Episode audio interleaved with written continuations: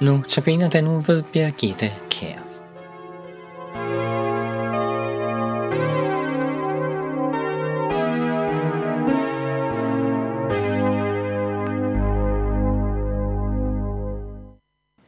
I dag er temaet for andagten misundelsens fare.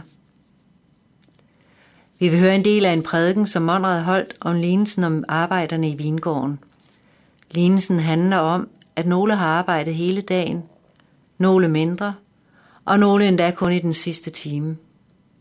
Men alle får de samme løn. Og der klager de, der har arbejdet hele dagen, selvom de faktisk fik den løn, de havde aftalt. Jesus afslører deres ondskab og siger til dem, gå. Monrad spørger så, hvad er det, der gør, at de mennesker, der har arbejdet hele dagen i vingården, ender med at blive vist bort? Hvad er det, som fører dem til fortabelsen?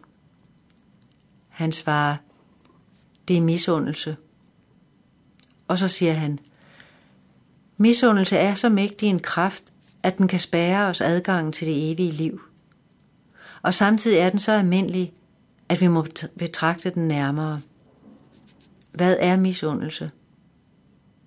Det er den misfornøjelse, den ubehagelige følelse, der opstår hos dig, når det går et andet menneske godt.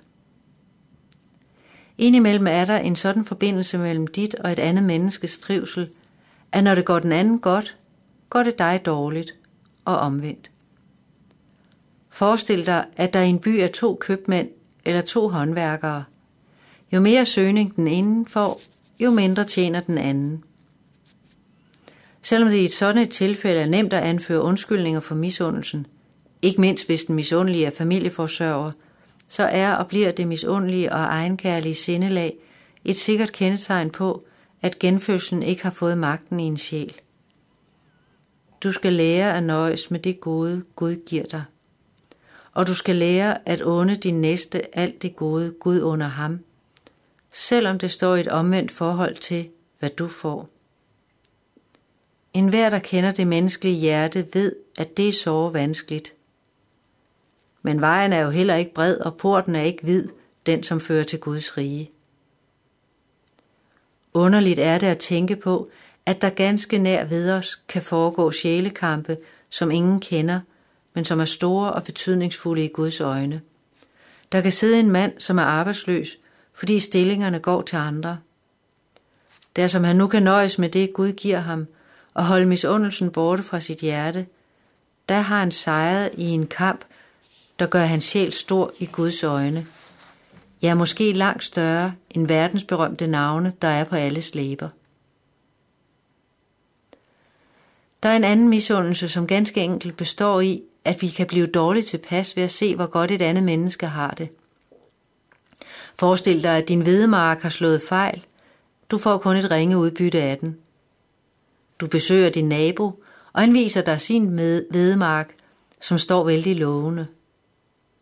Prøv nu din egen sjæl, og svar oprigtigt, om du bliver glad ved at se, hvor godt hans sæd står. Eller om du har en ubehagelig følelse, som du vel ikke giver luft i ord, men som du dog har i dit hjerte. Du bekæmper denne følelse. Måske er den kun forbigående, men at du har haft den vidner dog om, at misundelsens rod ikke er udryddet af dit hjerte. Det misundelige menneske er et ulykkeligt menneske, for alle menneskers glæde er hans sorg. Og sætter misundelsen sig rigtig fast i hans sind, der frembringer den skadefrohed. For hvis man længe har misundt et andet menneske, så bliver man glad, når det går ham dårligt.